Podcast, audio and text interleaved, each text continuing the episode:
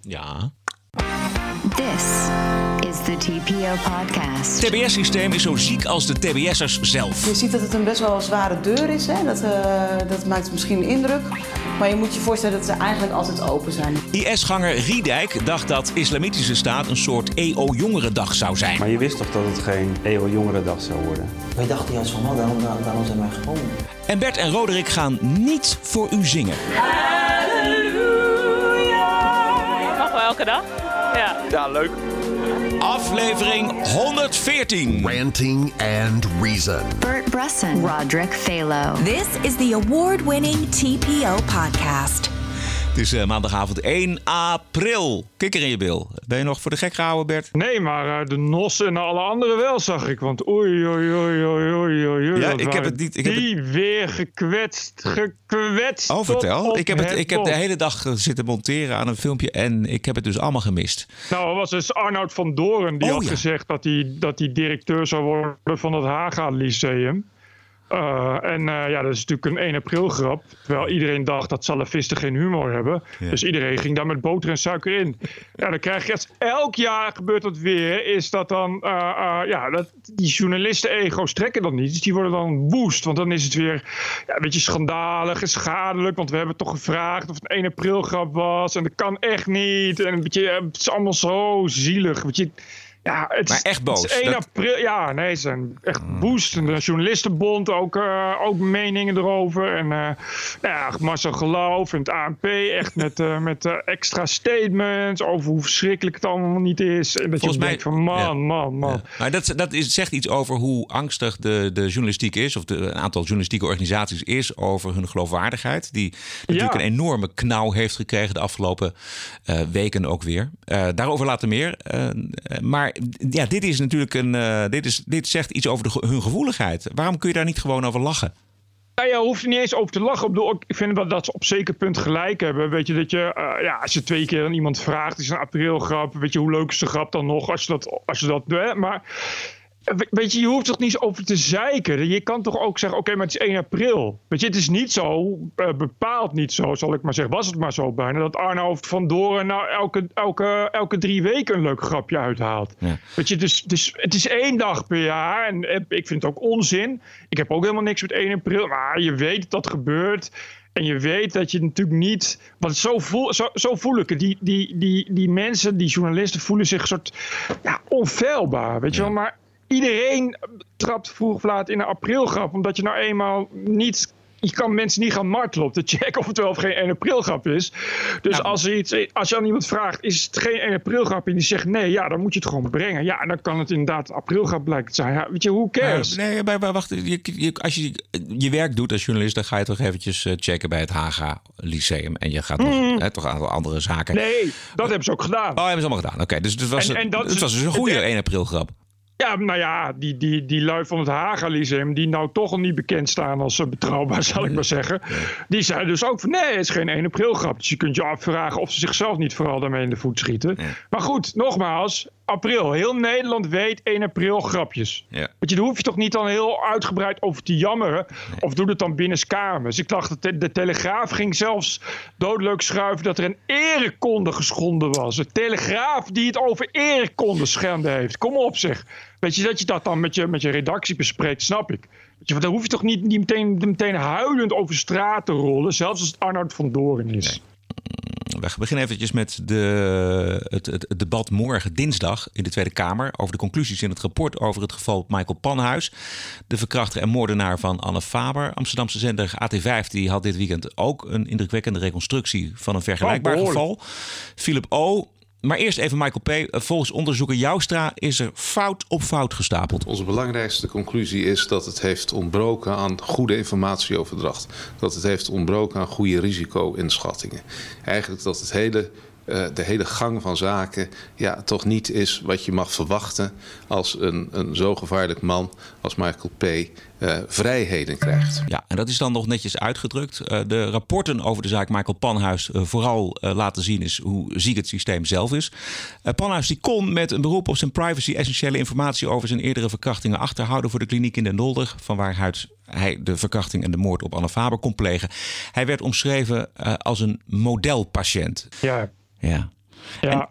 die handige privacyregeling is um, waarschijnlijk aan de hand gedaan door een van zijn advocaten. Ongetwijfeld. Kan ik me voorstellen. Ja, ongetwijfeld. Ja, je hebt erover geschreven, ik heb er ook over geschreven. En voor mij is, er altijd, is, is, is het toch een lijstje um, van instanties en mensen die ervoor hebben gezorgd dat deze Michael Panhuis op onbegeleid verlof kon. En daar zitten, horen ook die advocaten horen daarbij. Daar hoort ook de OM bij, daar hoort het Hof bij, daar hoort zeker die, die kliniek bij. Ja, nee, ja, maar ik, ik, was het, uh, ik heb je column gelezen, ben het volledig mee eens. En het, kijk, het erg is natuurlijk dat dit, dit dus al jaren en jaren en jaren en jaren speelt. Dat we uh, de zogenaamde beroemde geluiden uit de samenleving het toch al heel lang hebben over dat ze niet vertrouwen. En dat er toch wel heel veel lijkt mis te gaan. En dan krijg je zo'n rapport en denk je van, goh, wie had dat nou verwacht? Wie had dat nou verwacht? En dan denk je toch uh, want dat, dat schreef ik ook al, dat, dat, of althans dat schreef ze AT5. Hè, dat uh, uh, vlak na de moord op Els Borst, wat ook een, een gestoorde gek ja. was, die zichzelf, zichzelf letterlijk al meerdere malen bij de politie had gemeld met de mededeling dat hij van plan was mensen iets aan te doen. Waarop de politie zei: Oké, okay, tot ziens. Uh, de, uh, minister Art van der Steur heeft toen, en dat is meer dan twee jaar geleden, gezegd: nee, we gaan nu echt alles op alles zeggen om, om, om te verbeteren. Nou ja, het is alleen maar erger geworden. Dus je kunt je afvragen: gaat het überhaupt nog wel lukken in Nederland? En, ja. en, en moeten we daar dan niet eens. Uh, moeten we daar niet eens wat echte maatregelen tegenover zitten? Want het begint nu toch wel een beetje duidelijk door te zuipen dat het echt een beetje is doorgeschoten aan de knuffel- en maakbaarheidsmentaliteit. Ja, Want ja. jij verwees in je column terecht naar die documentaire over die kliniek ja, op, we... RT, op, RTV Utrecht. Ja, oh, zo, sorry. Ik heb een soort van samenvatting gemaakt. Uh, maar eerst nog eventjes die Joustra. Want wat ik wel nieuw vond eigenlijk in dit onderzoek was uh, dat er de vraag werd gesteld of de overheid tekort is geschoten in de bescherming van de samenleving. Wat wij in ons rapport zien, is dat het voor een deel een administratieve afhandeling is geworden. Dat, dat vrijheden al worden toegekend voordat men de persoon überhaupt kent. Die weging tussen zorg en veiligheid voor de omgeving, die vinden wij onvoldoende gemaakt. Die vinden we dat het te veel is, is gericht op de zorg voor de patiënt en te weinig van ja, welke risico's loopt de omgeving. Ja, die Patiënt. Patiënt, patiënt. Ja, patiënt, ja. Uh, uh, Panhuis die kwam terecht in de kliniek in Den Dolder in januari 2017. Acht maanden voor de moord op Anne Faber. Uh, die instelling die had eigenlijk geen idee wie hij was. Hebben we ook kunnen lezen in de rapporten. Luister yep. even naar een, een, een, korte samenvatting dus van de reportage... die over deze instelling gemaakt is door RTV Utrecht in 2015 al. Luister en huiver. Bij de forensisch-psychiatrische afdeling in Den Dolder... komen de zware gevallen terecht. Ja, mensen die wel ernstig psychiatrisch uh, ziek zijn. Moet je bang zijn voor de mensen die hier zitten?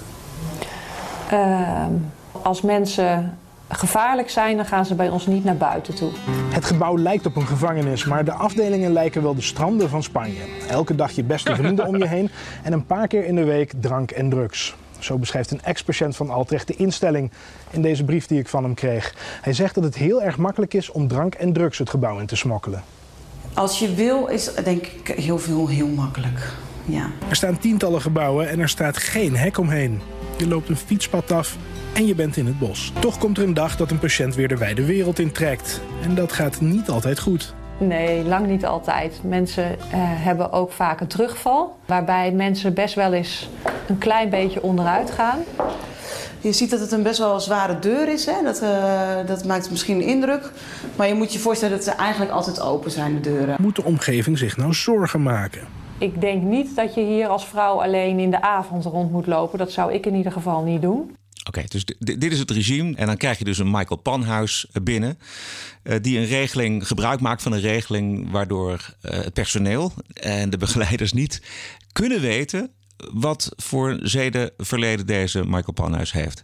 Het, ja, je komt er bijna niet bij. Weet je, het is, dit is, nee, precies. Hier moet, toch, hier moet het toch koprollen. Hier moet toch iemand worden ontslagen. Alsjeblieft wel een keer. Want dat, dat is het allerergste. Dat je, dat je uh, continu. Weet je, dit is niet een beetje. Dit is uh, Michael Panhuis. En dit is een hele reeks van, van jarenlang. En elke keer komt weer zoiets naar buiten. En elke keer gebeurt er weer niets. Weet je, elke keer zijn het er ook Uh, die rechters die anoniem en afwezig blijken. Zijn er, uh, er zijn heel veel mensen bij betrokken die gewoon het bloed aan hun handen hebben van die Anne Faber. En je wil als burger dat daar ook eens iets een keer wat tegen wordt gedaan. Dus dat die mensen ook een keer inderdaad dat hun koppen rollen in plaats van dat ze naar een hogere positie worden gepromoveerd. Dat zou ook eens een keer leuk zijn. Het zou ook eens een keer leuk gebaar zijn naar de samenleving toe. Dat je dan als regering zeg maar het idee geeft dat je daar ook, ook serieus naar kijkt. En dat het niet alleen maar je vriendjes zijn die je dan maar weer eens wegpromoveert. Wat ik bijvoorbeeld heel raar vind, is dat um, zo'n kliniek in Den Dolder uh, iemand in zijn gelederen krijgt, iemand gaat behandelen zonder dat ze alles weten van die man. Dus als je niet alles weet en je hebt twijfel en je denkt, hè, want er zijn al incidenten geweest met hem, dan ga je toch naar Vught, daar waar hij eerst gezeten heeft, dan ga je daar toch vragen: God, wat is dat voor een jongen eigenlijk? Wat heeft hij allemaal op zijn kerfstok? Nou ja, kennelijk niet, want in het rapport stond letterlijk dat zijn vrijheden al waren geregeld voordat hij kwam. Dus het interesseert ze gewoon niet eens. Ja. En nou ja, als je dus die documentaire kijkt en net die hulpverlenster hoort, en zo zijn er heel veel van dit soort hulpverleners helaas in deze scene, weet je al genoeg. Weet je, ze, ze, ze vatten dit soort mensen op als, ja, als ziek, als patiënten, als, als, als uh, uh, woede en woede is ook onmacht. En dat zijn allemaal eigenlijk lieve jongens die, uh, die je een beetje moet behandelen en juist heel veel ruimte en liefde en vertrouwen moet geven. Uh, er stond ook in dat rapport dat daar ook, dat is een letterlijk citaat, ook van, van, van, uh, van die stichting, van die, uh, van die toko, dat ze zeiden ja. Uh, straffen, dat komt in ons vocabulaire niet voor.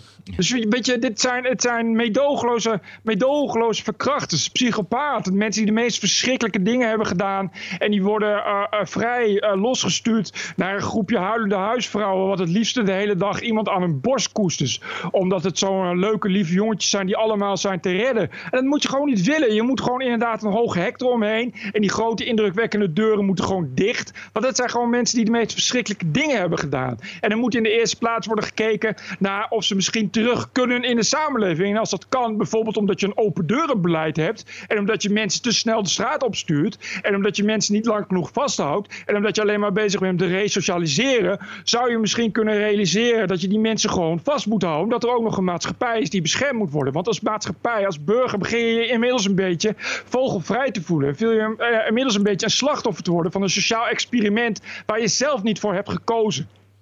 Dan die reportage van AT5 over het geval Philip O. Uh, jij attendeerde mij daarop. Kun je ja. een hele kleine samenvatting maken van waar de, de, zaak precies om draait? Vorig jaar of twee jaar geleden, hoe dan ook, er werd in de, uh, in de zomer, geloof in juni, uh, in de Amsterdamse metrolijn iemand doodgestoken. het slachtoffer was een volstrekt onschuldige, onschuldige man die willekeurig slachtoffer was. En de dader was een, wat was zijn voornaam? Philip O.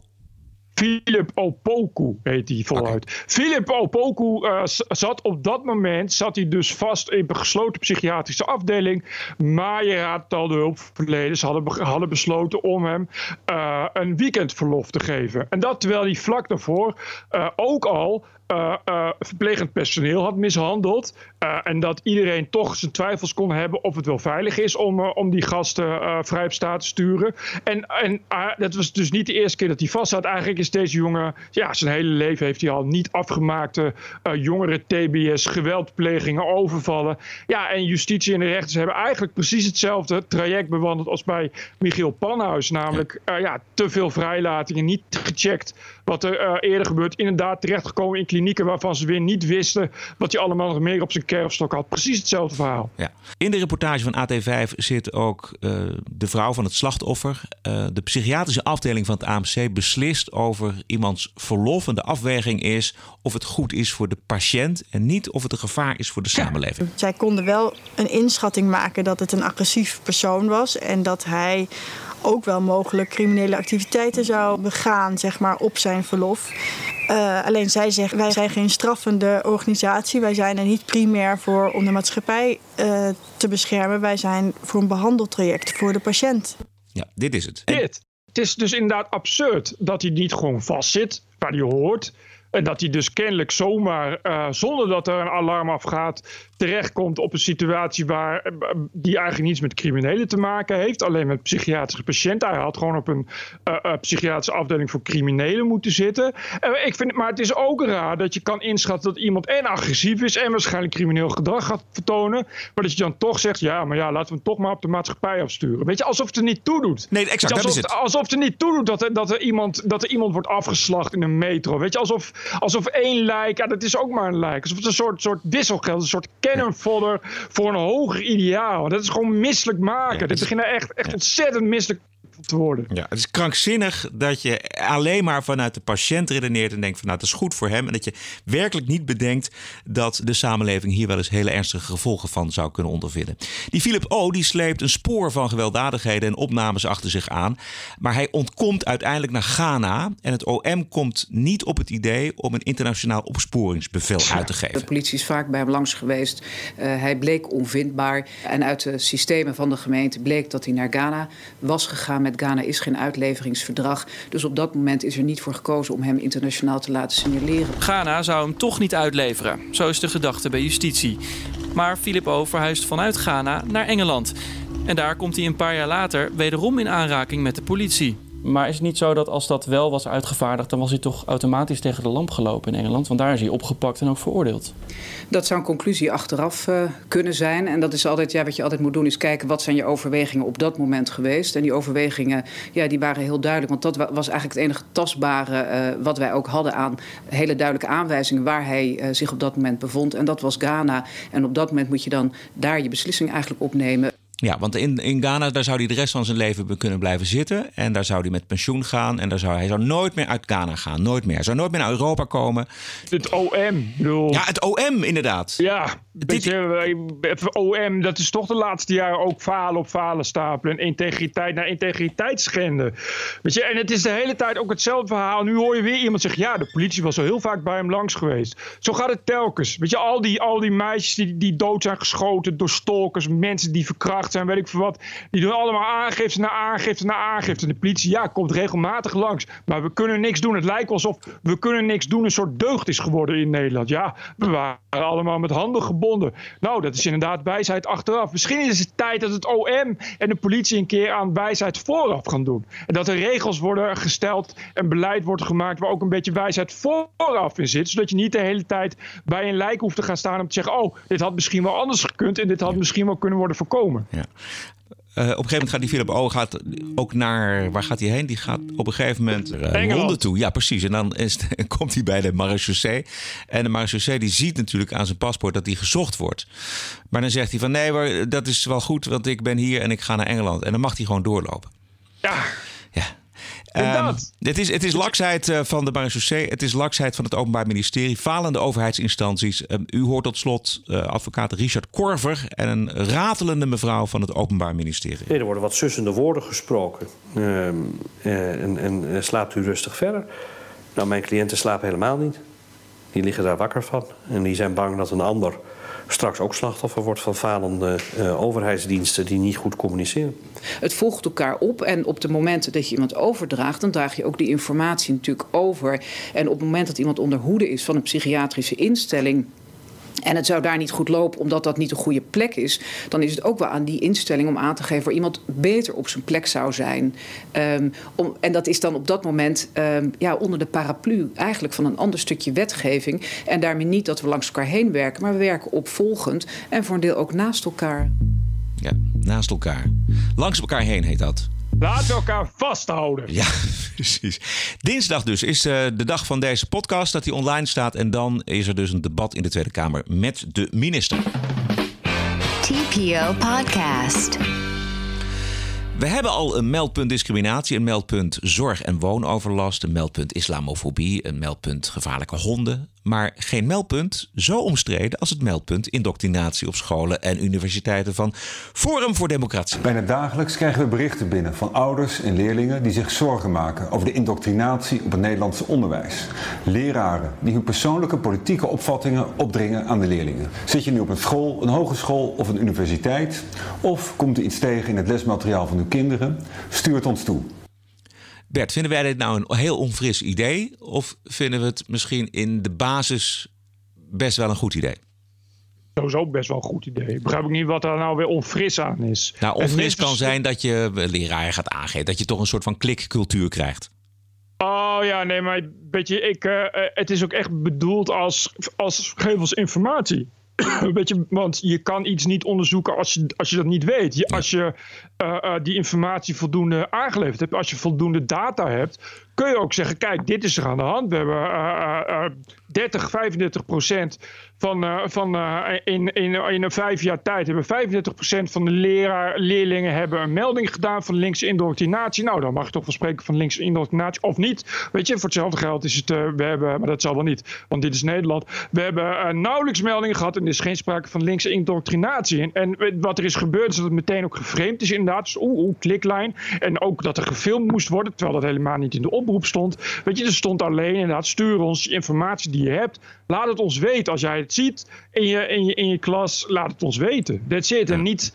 Nee, wat er nu gebeurt is een soort frame van ja, als je, want als je dan nu anoniem je, je leraar aangeeft, dan, uh, dan, dan komt uh, de uh, FVD-politie het schoolplein op marcheren. of zo. Nee, nee, dat, was, dat is inderdaad niet de bedoeling. Maar afgelopen vrijdag werd er over gediscussieerd bij Jinek. En daar zat ook Harm Beertema, PVV-Kamerlid en docent. Die heeft het ook allemaal van dichtbij meegemaakt. En Matt Nelissen was er. En Matt Nelissen die wilde ook iets zeggen over het meldpunt. Want hij was eigenlijk ja, de vader van de gedachte. Nou, ik wil ten eerste even benadrukken dat het geen meldpunt is. Uh, ik heb het gestart met het idee om uh, bewijs door heel Nederland met alle scholieren uh, via social media te verzamelen. Het was niet de bedoeling om docenten aan te melden of te verlinken of te beklikken of wat dan ook. Het was mijn bedoeling om via dit instrument bewijs te verzamelen en een bewijspagina te starten, geen meldpunt. Ja, dit ja is, precies. Ja, dit is wat jij zegt. Ik heb dat zelf zowel op de middelbare school als op de universiteit heb ik dat uh, in ruime mate meegemaakt, die linkse indoctrinatie. Niet dat het bij ja. alle lessen zo was, maar bijvoorbeeld op, bij de les economie eh, op, de, op de middelbare school.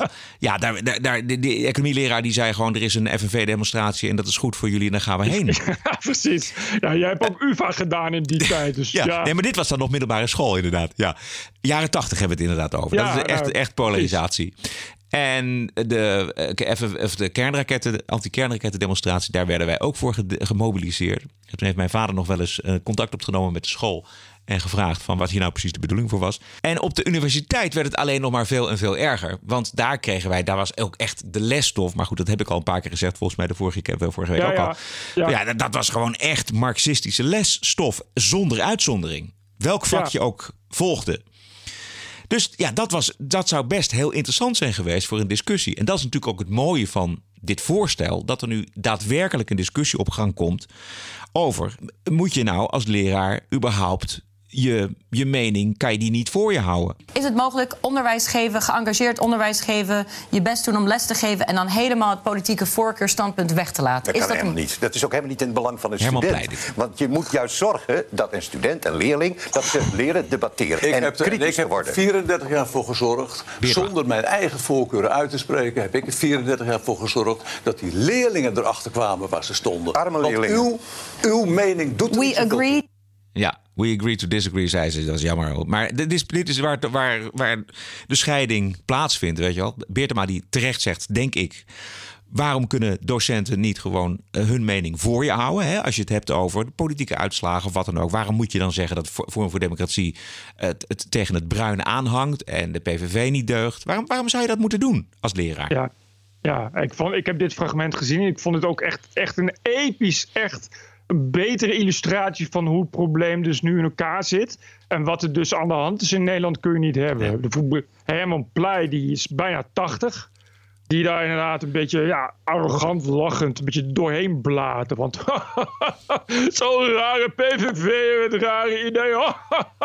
Terwijl die Beertema gewoon goede punten heeft. Die gewoon inderdaad daar 35 jaar onderwijs op heeft zitten. En inderdaad gewoon zegt van... Wie- toen ik docent was, toen eh, ging ik voor Leefbaar Rotterdam stemmen. Werd ik uitgemaakt voor nazi en fascist. Is dat niet raar? Weet je, het is, en dat is precies waarom mensen dus FVD, FVD hebben gestemd.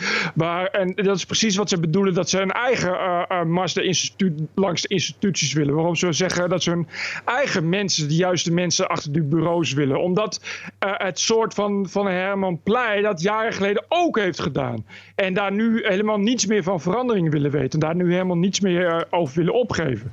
Dus beter kun je het niet illustreren dan dat. Ja. En het excuus is van dat het goed is voor leerlingen om geconfronteerd te worden met een leraar die heel duidelijk zijn mening geeft. En dat is, een, ja, dat is een absurd excuus. Sowieso zijn de verhoudingen tussen leerlingen en leraren heel, heel dat is, die zijn onevenwichtig. He, dus uh, een leraar die van wal steekt over de PVV maakt toch een andere indruk dan een leerling die, zich daar, uh, die daar vraagtekens bij heeft. Het is een absurd excuus. Ja, en het heeft. Ik, ik, ik, ik, las en hoorde ook van die, van die verdedigers van het linkse onderwijs. die dan zeggen van ja, maar dat zijn toch gewoon belangrijke normen en waarden. De, ik las dat iemand schreef van ja, maar als er zoiets is als een, als een blauwe of paarse truiendag. om uh, transgenders en biseksuelen uh, extra respect te geven. dan is dat toch, heeft dat niks met links of rechts te maken. Ja, tuurlijk heeft het wel met links of rechts te maken.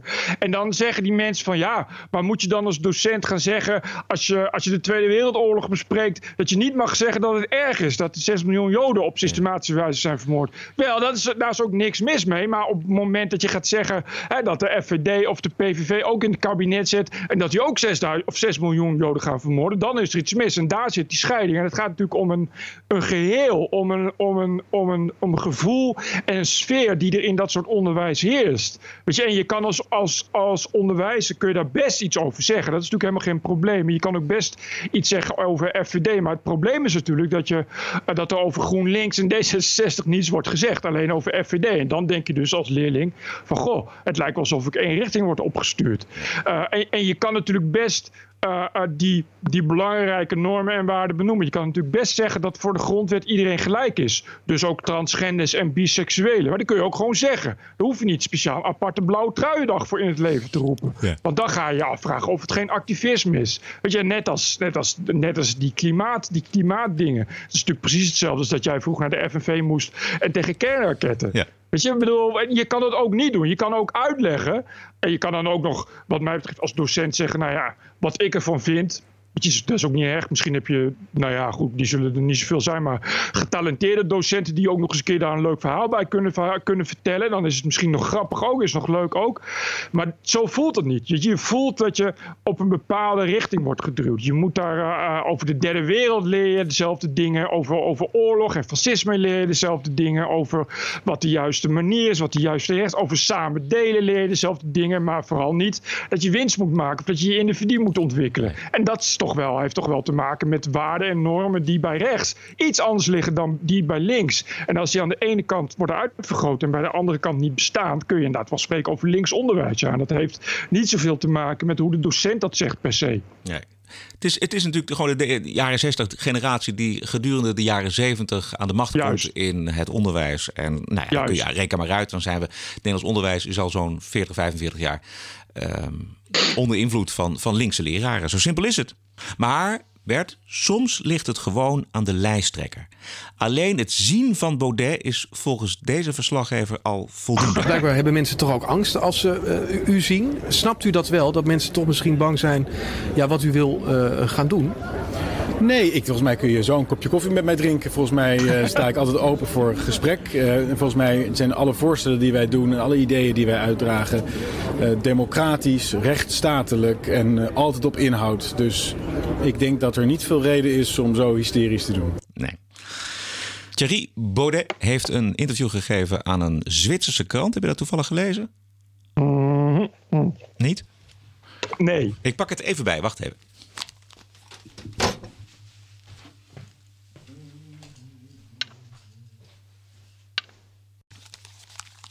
En vroeger kon ik gewoon nog wel eens gewoon weglopen dan, om een biertje te halen. Weet je dat nog? Ja, en nu is je bier op. hij heeft, uh, dat heeft hij zelf getweet een aantal keren, afgelopen dagen. Dat is een interview aan Die Weltwoche. En dat schijnt dan een krant te zijn die uh, wel een beetje in zijn politieke hoek zit.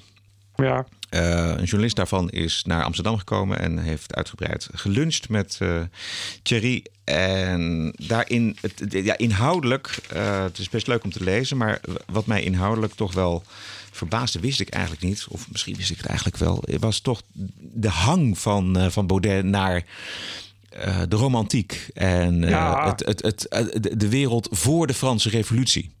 Ja, Hè, ja, dus ja. eh, de Franse Revolutie, waaruit alle moderniteiten te- eh, gekomen zijn, alle grote eh, filosofieën, politieke filosofieën, het liberalisme, het communisme, socialisme.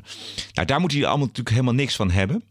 Maar dat hij zo tegen de romantiek aanzit, dat verbaasde mij. Dat hij daar zoveel nadruk op legt in een interview. Want hij zegt ook, in, in die tweet zegt hij ook gewoon: lees dat interview. Dit is mijn kijk op de maatschappij en de politiek. Ja, maar dat, ik, dat was ook wel bekend. Het is wel echt een, een hevig verlangen. Ja, nou in elk geval naar dat. Eh, romantiek is, is bij uitstek... eh, bij uitstek de tijd waarin hij naar verwijst. Waar natuurlijk ook, ook ja, alle groten die hij zo bewondert... Ja, die komen natuurlijk uit die tijd. Eh, Maar ja, ja, je, je kan toch niet terug, zou je zeggen? Hij Nee, zegt van wel. Hij zegt, die op een gegeven moment vraagt Ja. die journalist vraagt ook van, maar wilt u dan terug in de tijd? Ja, wat dacht u? Natuurlijk wil ik terug in de tijd. Ja, dat is natuurlijk ook een soort spot. Maar, maar ja, het is, wel, het is wel echt. Dat verlangen is wel echt, volgens mij. Ja. Tenminste, bij Baudet. Ik zou niet zeggen bij de Baudet-stemmer. En ook helemaal niet bij alle eh, FVD-politici.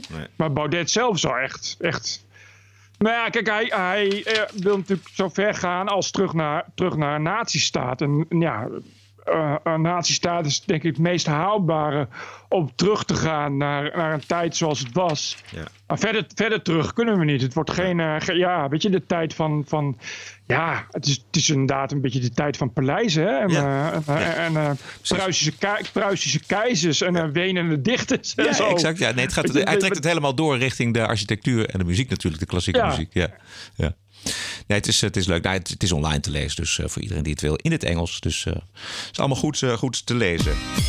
Ehm, we hebben natuurlijk fantastisch nieuws ook uit de Verenigde Staten. En dat gaan we allemaal behandelen. TPO Podcast. Wij vragen ons af, Bert, eh, maar dat zometeen. eh hoe het staat met het ehm, schuldbewuste van de Amerikaanse media ten aanzien van het eh, Mueller-rapport. Maar eerst een geweldig interview eh, met eh Jago Riedijk, de IS'er. eh, door NOS-correspondent Marcel van der Steen. Ik heb een paar citaten uit eh, de complete ontmaskering van IS-terrorist Jago Riedijk. Want wat de islamitische staat doet is trouwens is niks vergeleken met wat het regime doet met mensen. Het levend begraven van mensen, eh, chemische wapens, martelingen, eh, verkrachten en dergelijke. Dat heeft IS toch ook gedaan? De zaken die, die het Syrische regime doet? Nou, je noemt verkrachting bijvoorbeeld. Ja, Je ziet die vrouwen, ja klopt. seksslaven. klopt. Ja, belangrijk bij de berechting van deze Riedijk en alle andere IS-terroristen is dat zij wisten bij wat voor een organisatie zij zich aansloten. In 2014, toen jij vertrok naar Syrië, toen was toch al bekend dat IS ook een organisatie was met eh, gruwelijke praktijken, onthoofdingen, dat soort dingen. Ik zelf, ik, ik, ik keek geen televisie. Ik probeerde dit onderwerp eh, te volgen op het internet. Maar op het internet is IS toch heel goed gecensureerd. ik heb daar zelf niks van meegemaakt toen ik nog zelf in Nederland was. Maar dus jij beweert dat je in 2014 daar niets van wist en die filmpjes niet he- hebt gezien. Zover ik me kan herinneren, ja. Nou, Als je ze hebt gezien, dan herinner je je dat. Ja, dat zou ik me niet herinneren, ja. Dus je hebt ze niet gezien. Nee, volgens mij niet. Nee, denk ik niet. Anders zou ik dat herinneren. Dat rooskleurige beeld dat je had van IS, Mhm. wat je zegt, waar was dat op gebaseerd? Op wat zij zeiden, op hun propaganda. En waar, waar vond je die propaganda? Internet. Internet. Ja. Maar onderdeel van hun propaganda was toch ook juist die gruwelijkheden? Ja. Dus dat heb je dan toch gezien? Als ik dat had gezien, kan- zou ik me dat herinneren. Weerhield je dat niet van je aansluiten bij IS? Als ik dat zou hebben gezien, zou ik me dat hoogstwaarschijnlijk wel weerhouden, ja. Want wat vind je daarvan? Tot een zekere hoogte. Tot op welke hoogte?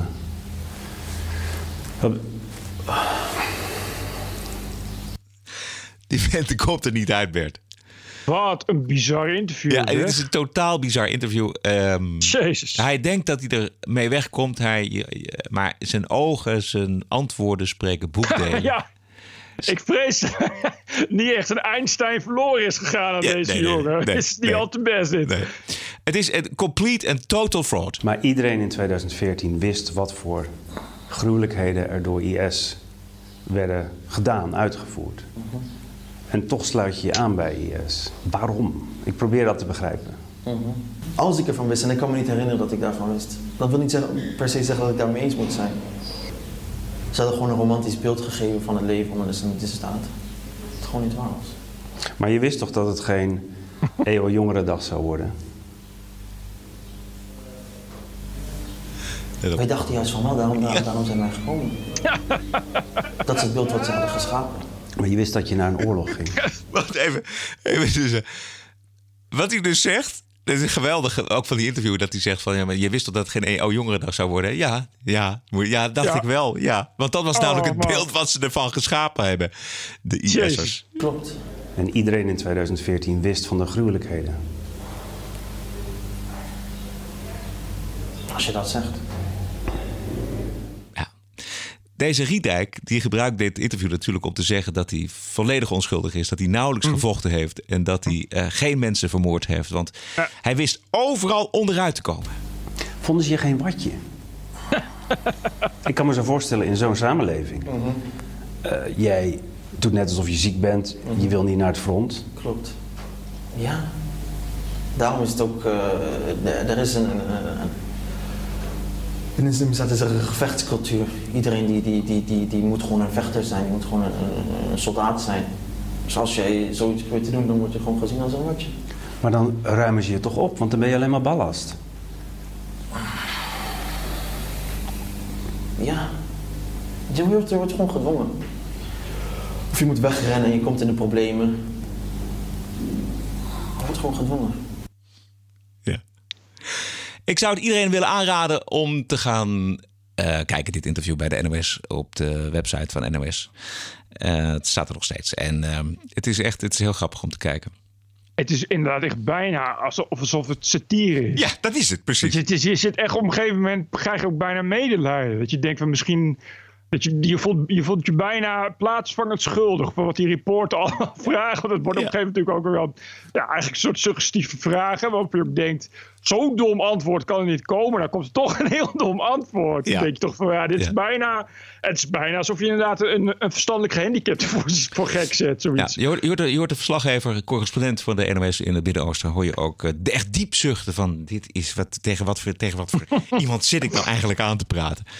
En die gelooft hem ook nog totaal niet. En die stelt dan ook inderdaad gewoon de vragen die je moet vragen. Als hij voortdurend ontkent dat hij gevochten heeft. Ja, maar ben je dan geen watje? Werd je dan niet gezien als watje? Ja, precies. Maar, maar, eh, die Riedijk zit daar nog. Of hoe? Ja, die zit, En hij wil, nou, die Riedijk die zit daar in een Koerdisch kamp. En Ja. die zit er gewoon te wachten totdat, er, ja, totdat hij naar Nederland mag. Of totdat hij berecht wordt daar door de Koerden. Maar de Koerden willen gewoon dat willen ze, willen ze weg hebben, dit soort gasten. Die willen gewoon Ja. dat Nederland eh, die gasten komt halen. En eh, ze in Nederland in, het, eh, in de gevangenis stopt. En hij probeert het natuurlijk via dit soort interviews... probeert hij er zo goed mogelijk uit te komen. Nou, dat lukt natuurlijk niet. Nee, ik denk niet. Maar ja, we hadden het net over Michael Pannenhuis. Dus als die Ja. wordt, in Nederland wordt berecht... dan zal het uiteindelijk ook wel weer meevallen. Hij zal wel weer snel op straat lopen. Want uiteindelijk is het toch ook maar een lieve jongen... die gewoon een beetje boos is. En een beetje met onmacht worstelt. Ja, hij, heeft, hij is eh, bij verstek tot zes jaar veroordeeld. Ehm, Ah. Maar dan weet je nog niet eens wat hij allemaal heeft uitgevoerd... en wat hij gedaan heeft. Ik denk wel van of het is echt een ontzettende imbeciel die daar inderdaad ook, ook bij ISIS inderdaad echt op een gegeven moment ballast was. Of het is gewoon iemand die heel goed is in liegen. Die inderdaad gewoon eigenlijk een keiharde moordenaar is. En de meest verschrikkelijke dingen heeft gedaan. En gewoon zich zoiets weet aan te meten nu. Eh, Zijn antwoorden overtuigen op geen enkel moment in dit interview. Nee, nou ja, tenzij je dus vanuit gaat dat hij echt vrij achtelijk is.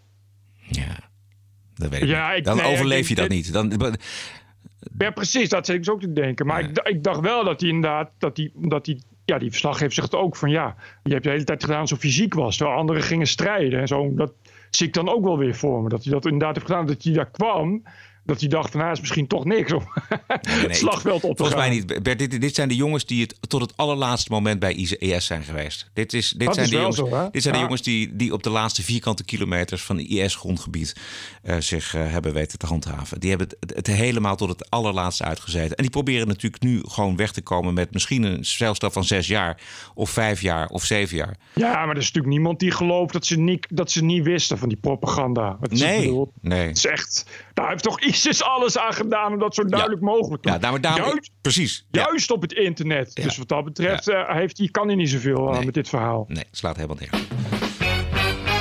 This is the TPO podcast. Ja, beste luisteraars van de TPO-podcast. Wij vroegen ons af hoe het toch is met de dames van de Dipsaus-podcast. Vroeg jij dat af? Ja.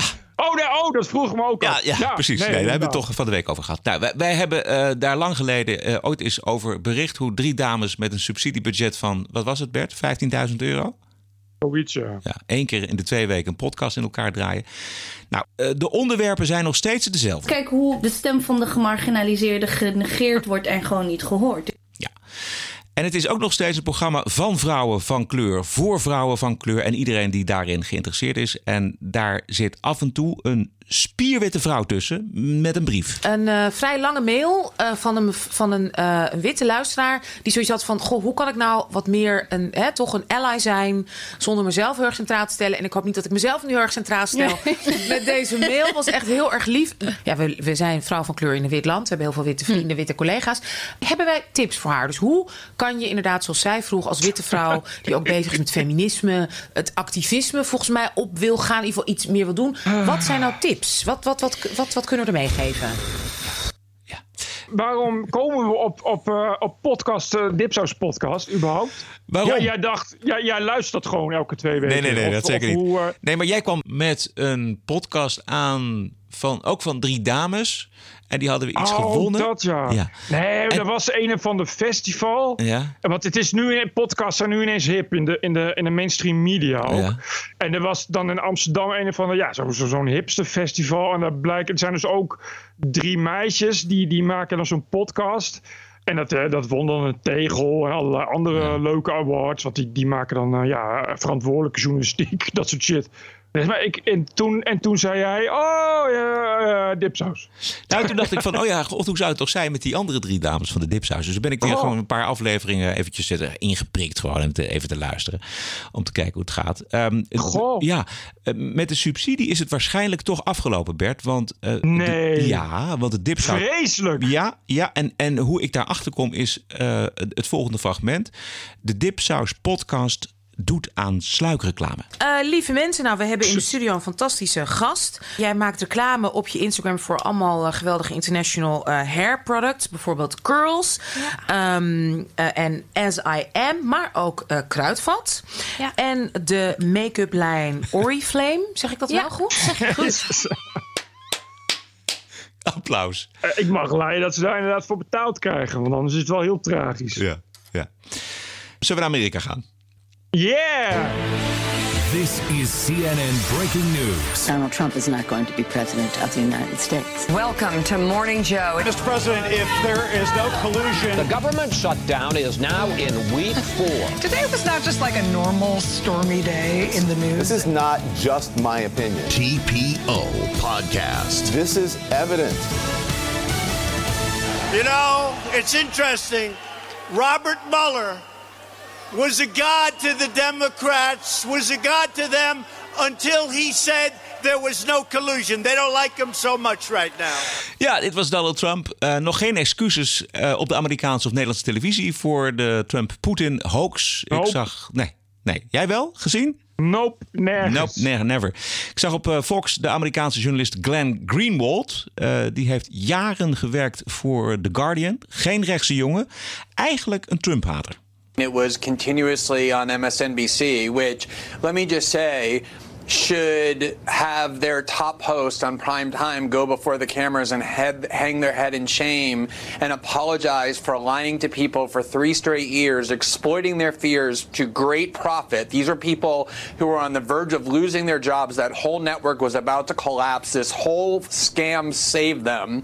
And not only did they constantly feed people for three straight years total disinformation, they did it on purpose. It is completely corrupted journalism. The whole point of what we were supposed to learn from the debacle of WMDs in the Iraq War, which, by the way, this network that we're on was one of the leaders of, was the fact that we were not supposed to trust intelligence agencies when they say things without evidence. And not only did MSNBC and CNN use those people as their sources, they hired them as their news analysts. So if you turned on CNN or MSNBC, it was basically state TV, it was CIA TV. Geweldig. Yep. CIA Yep. TV. Ja. Hij, eh, Greenwald legt echt prachtig eh, de kwaadaardigheid bloot die er onder schuil gaat. Dus, dus eh, niet, alleen, niet alleen de haat tegen Trump of de Trump-krant, maar inderdaad ja, het, het bewuste misleiden. Ook al hadden ze dat kunnen weten. Want ik vind inderdaad die weapons of mass destruction, de leugen waarmee hè, iedereen destijds die oorlog in Irak is ingerommeld. Wat toch een verschrikkelijke leugen is geweest. Wat toch ja, eigenlijk heel lang tot op de dag van vandaag nog nazinkt. Daar hadden ze, dat hebben ze in hun achterhoofd moeten hebben. Ze hebben het toch gedaan. Ja. Ze hebben toch inderdaad. Ineens zijn ze niet kritisch geweest tegenover de geheime diensten. Wat sowieso een probleem is in de journalistiek. Ook in Nederland, als het gaat om Rusland en de EU. Dan is er ineens ook geen kritische vraag te stellen. als de, als de, als de geheime dienst met een of ander rapport naar buiten komt. Ja.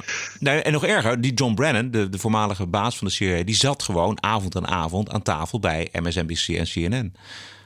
Wat echt absurd is. Als, als, echt- gewoon ja, als, als gast. En dan kwam hij weer met een verhaal dat het eh, allemaal eh, nog veel en veel erger was. En dat, er, dat hij informatie had gezien die toch zeker tot de impeachment van Trump zou gaan leiden.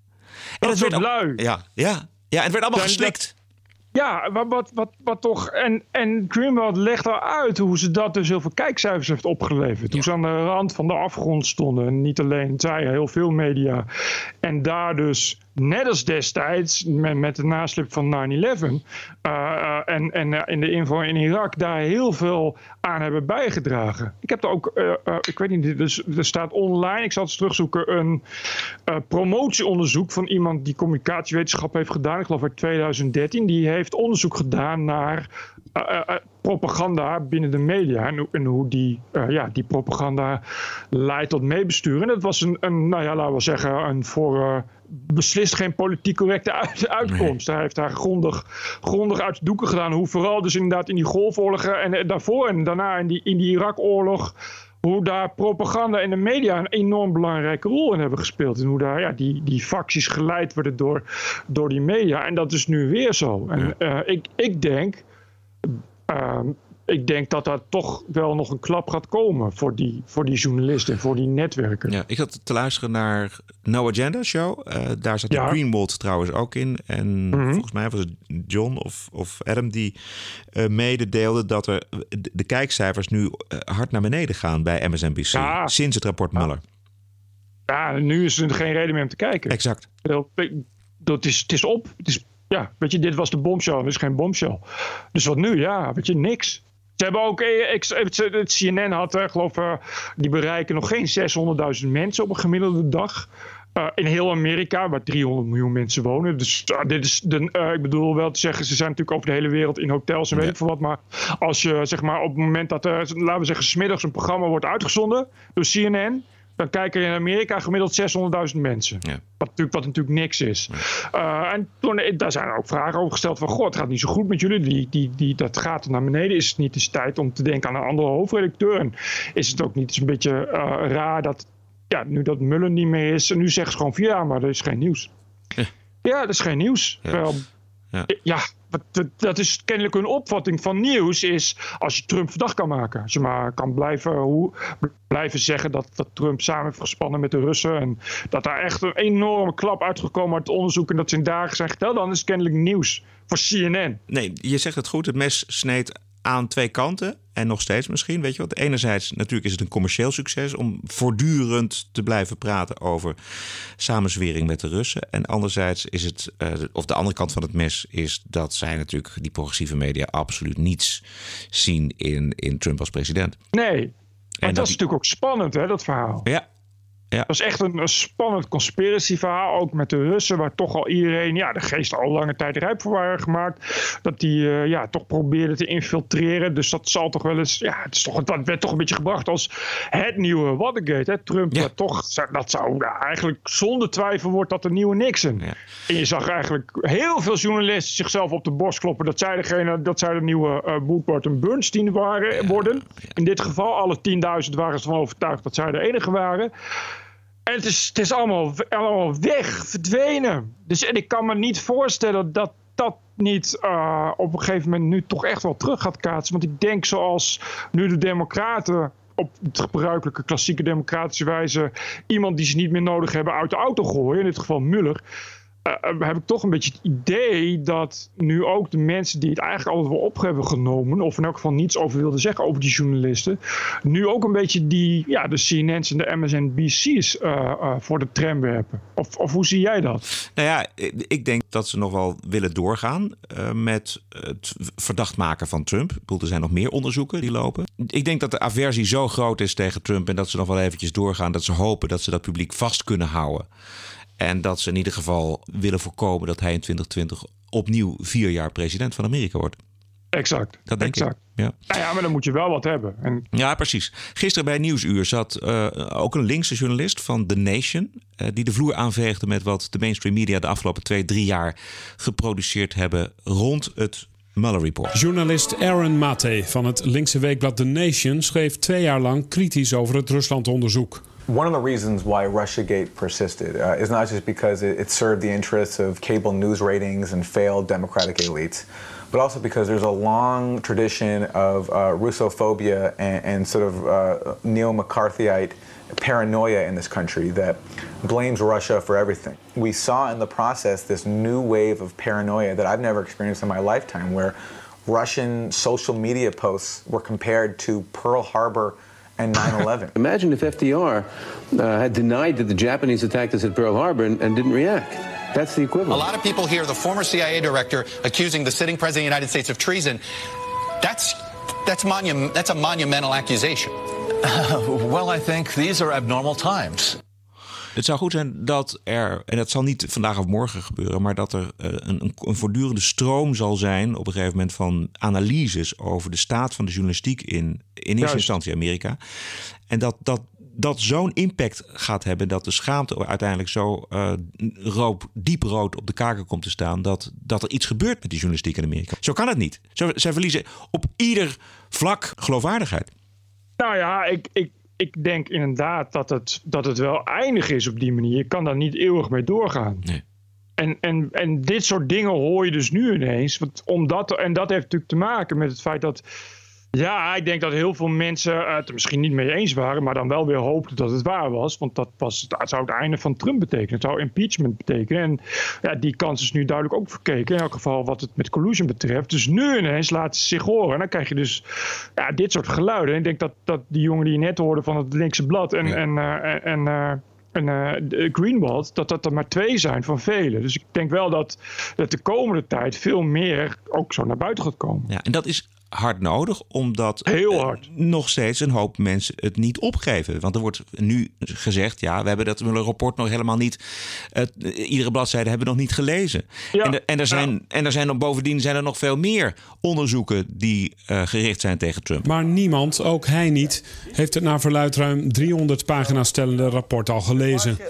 De Democraten hebben nog steeds heel veel vragen. Samenzwering of niet, het hoofdstuk Mueller is nog lang niet gesloten. En intussen zijn aanklagers in New York begonnen met een waslijst aan nieuwe onderzoeken tegen Trump. Ja, dit is dus Nieuwsuur. Die doet dat dus ook op deze manier. TPO Podcast. Acteur George Clooney die gaat iets doen tegen de sharia in Brunei. De sultan die heeft daar vijf jaar geleden gezegd dat hij uh, geleidelijk de islamitische wetgeving gaat invoeren. En woensdag is het weer zover.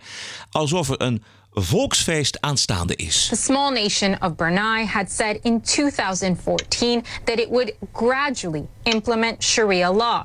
Alcohol is already banned, and there's a fine for missing Friday prayer or for having a child out of wedlock. And now, a new set of laws will be enacted on April 3rd. If you're found guilty of adultery or of having homosexual sex, you could face death by stoning in front of an audience of Muslims. And that's not all. If you're accused of theft, your hand or foot could be cut off. Ja, Thierry wil dan uh, terug naar uh, de romantiek. Maar uh, de sultan van Brunei en velen met hem in de islamitische wereld... die willen nog veel verder terug. Die komen, die, precies, die komen ergens tussen de middeleeuwen en de stenen tijdperken komen ze uit. Nee, George Clooney die gaat er wat aan doen. Die zegt namelijk dat er, hij heeft opgeroepen tot een boycott van negen hotels... waar de sultan van Brunei met zijn geld in zit. En dan hebben we het bijvoorbeeld over het uh, Dorchester Hotel in Londen en het Beverly Hills Hotel in Beverly Hills natuurlijk. Hotel Bel Air in Los Angeles. Allemaal hotels, Bert, waar wij volgens mij nog niet in hebben gezeten. De, de hotelketenbaas zal er niet blij mee zijn en het PR-team van Brunei ook niet. Maar pff, ik denk dat die Sultan het verder, uh, verder uh, ja, dat, die zal er, die interesseert het volgens mij. Die zal er geen steen minder om gooien. Die heeft ook, denk ik, geld zat, vermoed ik zomaar. Uh, en, en ten tweede, ja, weet je, dat is natuurlijk maar een heel klein gedeelte van de cliëntele ja. die, die zich iets laten vertellen door, door, door George Clooney. Wat verder vind ik het heel, wel heel dapper van George Clooney. dat wel. Ik vind het wel. Ik denk dat hij, nou ja, misschien moet hij, gaat hij zelf, kan hij ook niet meer in die hotels. Dat is toch uh, nee, een hele, hele fikse aderlating. Hebben we nog meer dingen? Ja, uh, vandaag, op het moment dat mensen dit horen, is dinsdag. Uh, precies een week geleden heeft het Europarlement met een hele nipte meerderheid helaas, wat ook te maken had met het feit dat mensen verkeerd waren voorgelicht binnen het Europarlement, maar dat is een ander verhaal, uh, heeft het Europarlement meerderheid voorgestemd voor de nieuwe online copyright, copyright maatregelen. Ja. Uh, het beruchte artikel 11 en 13. Die zijn dus geaccepteerd en dat betekent dat lidstaten uh, ongeveer twee jaar de tijd hebben om dat in wetten te gieten. Dat betekent dat over twee jaar ja, die wetten in werking treden, ook in Nederland. En dat kon wel eens betekenen, om het maar even, uh, uh, even op een fijn voorbeeld toe te spitsen, dat het heel problematisch voor ons gaat worden om elke week de podcast up te loaden. Oh. Wa waarom? Omdat wij gebruik maken van fragmenten. Uh, en het betekent dat uh, bijvoorbeeld wij laden het op Soundcloud en YouTube en Facebook en uh, iTunes. dat betekent dat door die wetten zijn al die platforms aansprakelijk uh, om ervoor te zorgen dat vooraf dat soort dingen eruit worden gefilterd. Namelijk auteursrechtelijk beschermd materiaal. En dat is dus vrijwel alles wat je niet zelf maakt. Dus ook fragmenten. Dat gaat betekenen dat dat soort bedrijven ofwel ophouden met bestaan, omdat ze er geen zin in hebben, omdat ze ja, in de EU is toch maar een afzetmarkt, ze hebben er meer. Ofwel, en dat is waarschijnlijker, dat ze allerlei uploadfilters gaan plaatsen. Dus voordat je iets kan uploaden, dat zie je ook bij YouTube en Facebook, uh, wordt er automatisch gedetecteerd of misschien wel ja, uh, auteursrechtelijk beschermd materiaal zit. En dan krijg je wat je nu ook al hebt, ja, van dat soort rare effecten. Dat als jij een podcast maakt en iemand op de achtergrond fluit een liedje, dat dan die algoritmes herkennen, hé, hey, dat is een bekend liedje waarvoor geen auteursrecht zijn afgedragen, waardoor we je hele uh, geüploade filmpje of podcast weer van het platform afgooien. Dit gaat op grote schaal gebeuren. Want dat is namelijk waar deze wetten over gaan. Over auteursrechten. En het komt erop neer dat de grote entertainmentbedrijven... Uh, dankzij deze wetten straks weer bepalen wat er wel en niet op internet gaat staan. Dus het einde van het vrije internet gaat een beetje voorbij zijn. En dat heeft te maken met iets waar die uh, grote entertainmentindustrie al heel lang heel verdrietig over is. Namelijk dat iedereen zomaar wat kan doen op internet. En dus niet meer naar de cd-boer gaan of naar de platenboer om daarvoor heel veel geld uh, nieuwe liedjes te gaan halen. En dat is wat uh, de EU uh, vooral Frankrijk, de CDU, uh, vooral de conservatieven hebben in meerderheid voorgesteld. Wat de EU uh, met, met u en allemaal voor heeft. frappant ook is om te melden dat binnen de Nederland er helemaal niemand voor was. geen enkele partij behalve het CDA. En er zitten vier CDA-fractieleden in de eurofractie, van de conservatieve eurofractie. Dus het zou goed zijn als iedereen bij de volgende EU-verkiezingen ook onthoudt wie er voor deze wet hebben gestemd. Dat is namelijk het CDA. Aha. Nou hoorde ik op, bij No Agenda Adam Curry tot mijn verbazing eigenlijk uh, sussende woorden spreken over uh, de, de, deze maatregelen van het Europees Parlement. En dat um, ging om het volgende, want hij legde namelijk de analogie met de muziekindustrie. Mm Hoe zit dat namelijk? Die uh, radiostations moesten vroeger gewoon per plaatje moesten ze afrekenen bij de Buma Stemra. Ja. Um, tegenwoordig uh, is dat niet meer het geval. Tegenwoordig betalen radiostations gewoon één bedrag. Een soort fee. En daar kopen ze zichzelf mee uit. En dan kunnen ja. ze draaien wat ze willen. Nou, en hij voorspelde, Curry voorspelde, dat dit precies hetzelfde gaat gebeuren met de auteursrechten die uh, via bijvoorbeeld YouTube, uh, Googles worden verspreid. Dus dat de grote bedrijven, de Googles, dat die gaan betalen, dus een fee gaan betalen, één bedrag gaan betalen aan de Buma stemra's van in deze wereld of aan de overheid. En dat het daarmee afgekocht is. En dat dus geen probleem zou kunnen opleveren of hoeven opleveren voor bijvoorbeeld de TPO-podcast. Ja, nou, dat Wat is denk je daarvan? gedachte. Nee, dat is de gedachte en dat is ook de gedachte waar mensen op hebben voorgestemd. Die zeggen van ja, dat wordt alleen maar eerlijker. Hè, want dan komen er dus inderdaad machinaties treden in werking, waardoor mensen daar samen uitkomen. Dan is het dus inderdaad wat je zegt, hetzelfde als op radio en televisie of, of, in tijdschriften. Het probleem is dat bedrijven als Google al hebben aangegeven daar geen zin in te hebben. Het probleem is namelijk dat uh, YouTube heeft al heel veel van dat soort afspraken, maar niet met Europese maatschappijen, omdat ze daar geen zin in hebben. Uh, wat er bijvoorbeeld gaat gebeuren, uh, daar is een risico, is dat Google, Google News, niet langer meer gebruik mag maken van de informatie waar ze nu gebruik van maken, namelijk uh, ja, zeg maar de eerste twee zinnen van een artikel. En zelfs de titel van een artikel en zelfs de link, al is dat laatste geloof ik afgezwakt in het uiteindelijke akkoord. Mm -hmm omdat die bedrijven zeggen, ja, we willen niet langer dat Google rijk wordt van onze content door er niet van te betalen. De gedachte is dus, die gaan betalen. Dat doet Google dus niet. Google heeft al gezegd, dan houden we op met Google Nieuws. Als wij moeten gaan betalen voor al die links, dat wordt ons gewoon te gortig. En dat doen ze echt. Hier in Spanje bestaat Google Nieuws namelijk al jaren niet meer. En wel om de reden dat de nationale wet hier precies dit verbiedt. Namelijk dat Google News geen gebruik meer mag maken van de content van uitgevers. Zonder te betalen. Waarop de reactie van Google was: oké, okay, doei, dan stoppen we ermee in Spanje. Ja. Dat is het grote risico wat nu gaat gebeuren. Dat die bedrijven gaan zeggen: oké, okay, dan stoppen we gewoon met, met de EU. Bekijk het lekker. Ja. Weet je, toedeledokie. Er is voor ons dan geen reden meer, want het kost ons meer dan dat het uiteindelijk gaat opleveren. En of dus dat je, dat, dat is gezegd, oké, okay, maar dan moeten we ons aan die wet gaan houden. Nou, daar gaan we dus. En die, want die uploadfilters ga je sowieso niet voorkomen. Die zijn er nu ook al. Die worden dus alleen maar erger. Maar ook voor andere dingen. Dus ook hè, voor memes, voor de plaatjes, ja. voor, voor de maar dat, zou, dat zou ook kunnen betekenen dat op een gegeven moment uh, Google en, en YouTube natuurlijk zo oninteressant worden voor het publiek. Dat er misschien wel weer een concurrent uh, om de hoek komt kijken. Die denkt van nou, we kunnen het misschien toch op een goedkopere manier wel met het betalen van die fee. En dat zij dus al die content naar zich toe trekken. Zou dat kunnen? Ja, nee, dat, dat is wel het grote voordeel is wel dat uh, uiteindelijk, maar ja, nogmaals, het is alleen de EU. Maar uiteindelijk worden inderdaad dat soort bedrijven ja, toch tot een bepaalde richting opgedwongen. En of dat nou is tot samenwerking of tot opsplitsen of tot uh, weggaan. Het geeft in elk geval meer ruimte op de markt. Dat ben ik met je eens. Uh, maar, het worst, jij, jij denkt dat het worst case scenario in werking gaat treden?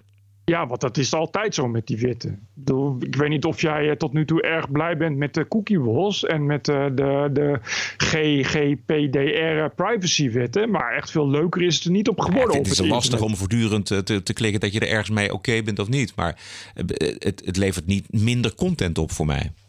Toch? Nee, maar het levert wel problemen op. Weet je bijvoorbeeld dat uh, officieel volgens die wet moeten sites ook toegang bieden voor, aan mensen die geen cookies willen. En dat kan niet, want dan heb je geen adverteerders. En op het moment dat je mensen toegang gaat geven op sites zonder cookies, ja. dan willen alle mensen dat en dan ga je adverteerders weg.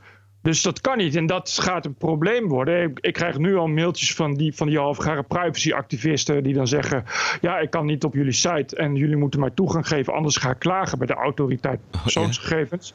Nou, je gaat je gang maar. We weten allemaal dat het een probleem is. Maar alle commerciële nieuwssites zijn het erover eens dat ze maar één ding kunnen doen. En dat is met cookies werken. En op het moment dat die wet echt zou worden doorgevoerd. Dus dat een rechter echt zou zeggen: dit moet. Ja, is het gewoon einde van, van commerciële nieuwssites. Dus je kunt je afvragen of, of dat dan gaat gebeuren, inderdaad. Dan. Maar dat is wel. Die wetten die zijn telkens op dat vlak slecht doordacht. En die uitwerking ervan gaat zeker voor kleine bedrijven een probleem geven. En dat gaat dus voor ons podcastmakers gaat het een probleem geven. En op het moment dat uh, Google Nieuws weggaat, gaat het voor mij, voor TPO, een probleem zijn. Ik heb berekend dat het nogal meevalt. Maar voor nu.nl bijvoorbeeld gaat het een serieus probleem ja. zijn. Dan gaat echt een groot gedeelte van je, van je verkeer gaat weg. Ja. Zo. En, dat, en, en uiteindelijk kun je dus inderdaad zeggen ja, er komen dat bij elkaar. Komt er een samenwerking waardoor dat wordt opgelost. Maar dat is wel pas nadat daar eerst dus inderdaad slachtoffers bij gaan vallen. Gaan Europese landen hier allemaal mee akkoord? Of is dit alleen nog het Europees Parlement dat zegt van uh, go? Nou, ik, ik, voor zover ik het weet, moet je daarmee akkoord gaan. Of je moet dus de beruchte noodremprocedure gaan uitvoeren. En ik weet niet wat dat is. Dat hoorde ik nu ook voor het eerst bij dat, bij dat WW-Polen-verhaal. Mm -hmm. bij, de, bij, bij dat WW-verhaal. Dat dan uh, die minister Koolmees zei: ja, die noodremprocedure, ja, die ga ik niet gebruiken. Want daar is het gewoon niet, ja, niet duur genoeg voor, als het ware. Want het kost dan ons zoveel extra miljoen per jaar aan al die WW's. En dan begrijp dat zo'n noodremprocedure is een heel serieus, serieus ding. Ik weet niet wat, maar dat zal dan ook wel weer te maken hebben met dat je op een bepaalde manier uh, ja, zo'n soort, soort mini-nek zit of zo. Ik weet het ja, niet. In ja. elk geval, het is niet, niet echt de bedoeling dat je dat zomaar gaat doen als lidstaat. Nee. Het, mijn grote probleem is, is, is dat zeg maar heel Nederland is er tegen. Alle partijen hebben zich ook echt uitgesproken, wij willen dit niet. Ja echt van links tot rechts, inclusief PVV, PvdA, SP heeft zich onthouden van stemmen, maar goed, in elk geval niet voor.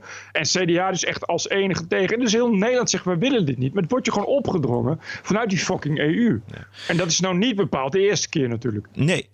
En waarschijnlijk ook niet de laatste keer. En nee. wij krijgen binnenkort in mei krijgen wij verkiezingen uh, voor het Europees hm. Parlement. En dat is, levert, dit levert samen met die WW aan, aan de Polen levert alleen nog maar meer stemmen op voor de euroceptische partijen zoals uh, de PVV. En voor, exact voor mundo. Ja.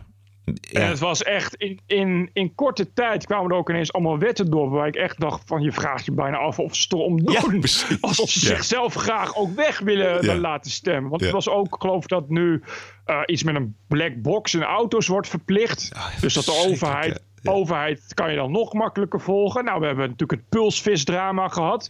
Stel je voor, hè, dat zijn toch mensen die honderdduizenden euro's hebben geïnvesteerd in een, in een bedrijf waar ze ineens niets meer mee kunnen, omdat het niet mag van de Fransen. Uh, we hebben, we hebben uh, uh, oh ja, Kosovo, dat weet volgens mij niemand. Die, die, heeft, die hebben vanaf, vanaf, vanaf nu, geloof ik, geen visumplicht meer. Dus die kunnen maximaal allemaal, allemaal de EU binnenwandelen. Nee, het, het, zo gaat het maar door. Weet je, het is, het is de hele tijd. En ook dingen, je hoort ook bijna niks van. Hè? Dus dat is ook zoiets. Het wordt een soort, soort van. Ja, het is er gewoon ineens. Ja. Het is ook, de, de journalistiek is, is heel weinig. Die is gewoon. Is, het is echt. Ja, je, je leest het niet. Het is natuurlijk zo antransparant neten. En ik heb ook met, met, met die internetwetstemming ook ging dingen opzoeken. En wat je dan leest aan, aan, aan ondoordringbaar taalgebruik wat bedoeld is voor het publiek. Dan denk ik ook van, ja, op deze manier gaat het ook nooit gebeuren dat iemand zich ervoor interesseert. Want na drie zinnen kom ik al niet meteen. Laat staan dat iemand anders, weet je, dat Henk en Ingrid zich Ja. nog even moeten gaan inlezen wat er allemaal moet veranderen. Eh, oh ja, eh, de meerderheid van het Europees Parlement heeft aangenomen dat er eh, in elk geval gedacht en gesproken moet gaan worden over herstelbetalingen aan Afrikaanse landen. Voor, of in elk geval excuses aan Afrikaanse landen. Ze hebben een uitgebreid pakket aangenomen. Dat ging alleen maar over Afrikanen, dus Afrikaanse mensen in de EU. Eh, en een van de dingen die werd genoemd, zei het niet letterlijk, maar het stond er wel degelijk in, is Zwarte Piet. Namelijk dat er nog steeds Europese landen zijn waar tradities worden gevierd, waarin eh, stere- eh, racistische stereotyperingen, zoals blackface, worden gebruikt. En daar moet een einde aan komen. Op Europees niveau. En de journalistiek die er dan over bericht, niet over dit bericht, maar bijvoorbeeld over die zwarte doos in, in iedere auto, die heeft het dan over dat dat uh, goed is voor de veiligheid. Ja, nee, het is, het is de journalistiek die erover bericht, is pro-EU. Weet je, en, ja. en ze, ze bericht ook selectief. Weet je, het is inderdaad dat. En nou hebben ze iets waar ze iets mee kunnen, dan is dan. Oh, maar dat is goed voor de veiligheid. Dat wil toch iedereen? Dat wil toch iedereen? Weet je? Laatste nieuws nog, uh, Bert. Uh, de formatie in Noord-Holland uh, wijst uit, lees ik net, dat de VVD niet met Forum voor Democratie wil samenwerken en zich hm. keert richting GroenLinks. Dus ze willen een klimaatcoalitie met GroenLinks. Dus het is nou. klopt inderdaad de slogan dat als je op Rutte stemt of op de VVD, dat je dan inderdaad voor GroenLinks stemt. Nou, dat is goed om te weten, want als er binnenkort verkiezingen zijn, het zou zomaar heel snel kunnen zijn, alhoewel het met dit kabinet niet echt lijkt. Als er ooit nog een kabinet gaat vallen, dan zullen we dat allemaal meenemen, denk ik. Ja. Tot zover deze aflevering 114. Vindt u dit een belangrijk geluid en wilt u dit blijven horen zolang het nog kan, dan zou ik uh, toch zeker uw steun uh, omzetten in een uh, donatie. Dat helpt ons en de podcast en uiteindelijk u zelf natuurlijk ook. Het is niet verplicht, maar het is wel heel aardig om te doen om de TPO-podcast te ondersteunen. Dat kan allemaal, wordt allemaal uitgelegd op onze website tpo.nl slash podcast. Daar vindt u de mogelijkheden om iets te doneren. Wij zijn terug dinsdag 9 april en dat is volgende week. Heb een mooie week en tot dinsdag. Tot dinsdag mensen. Ik heb weer zin in volgende week. Doei, doei, doei, doei, doei. TPO Podcast. Bert Bruson, Roderick Balo, ranting and reason. Podcasting is the TPO podcast in the Netherlands. Bert and Roderick. What a show. I'm telling you.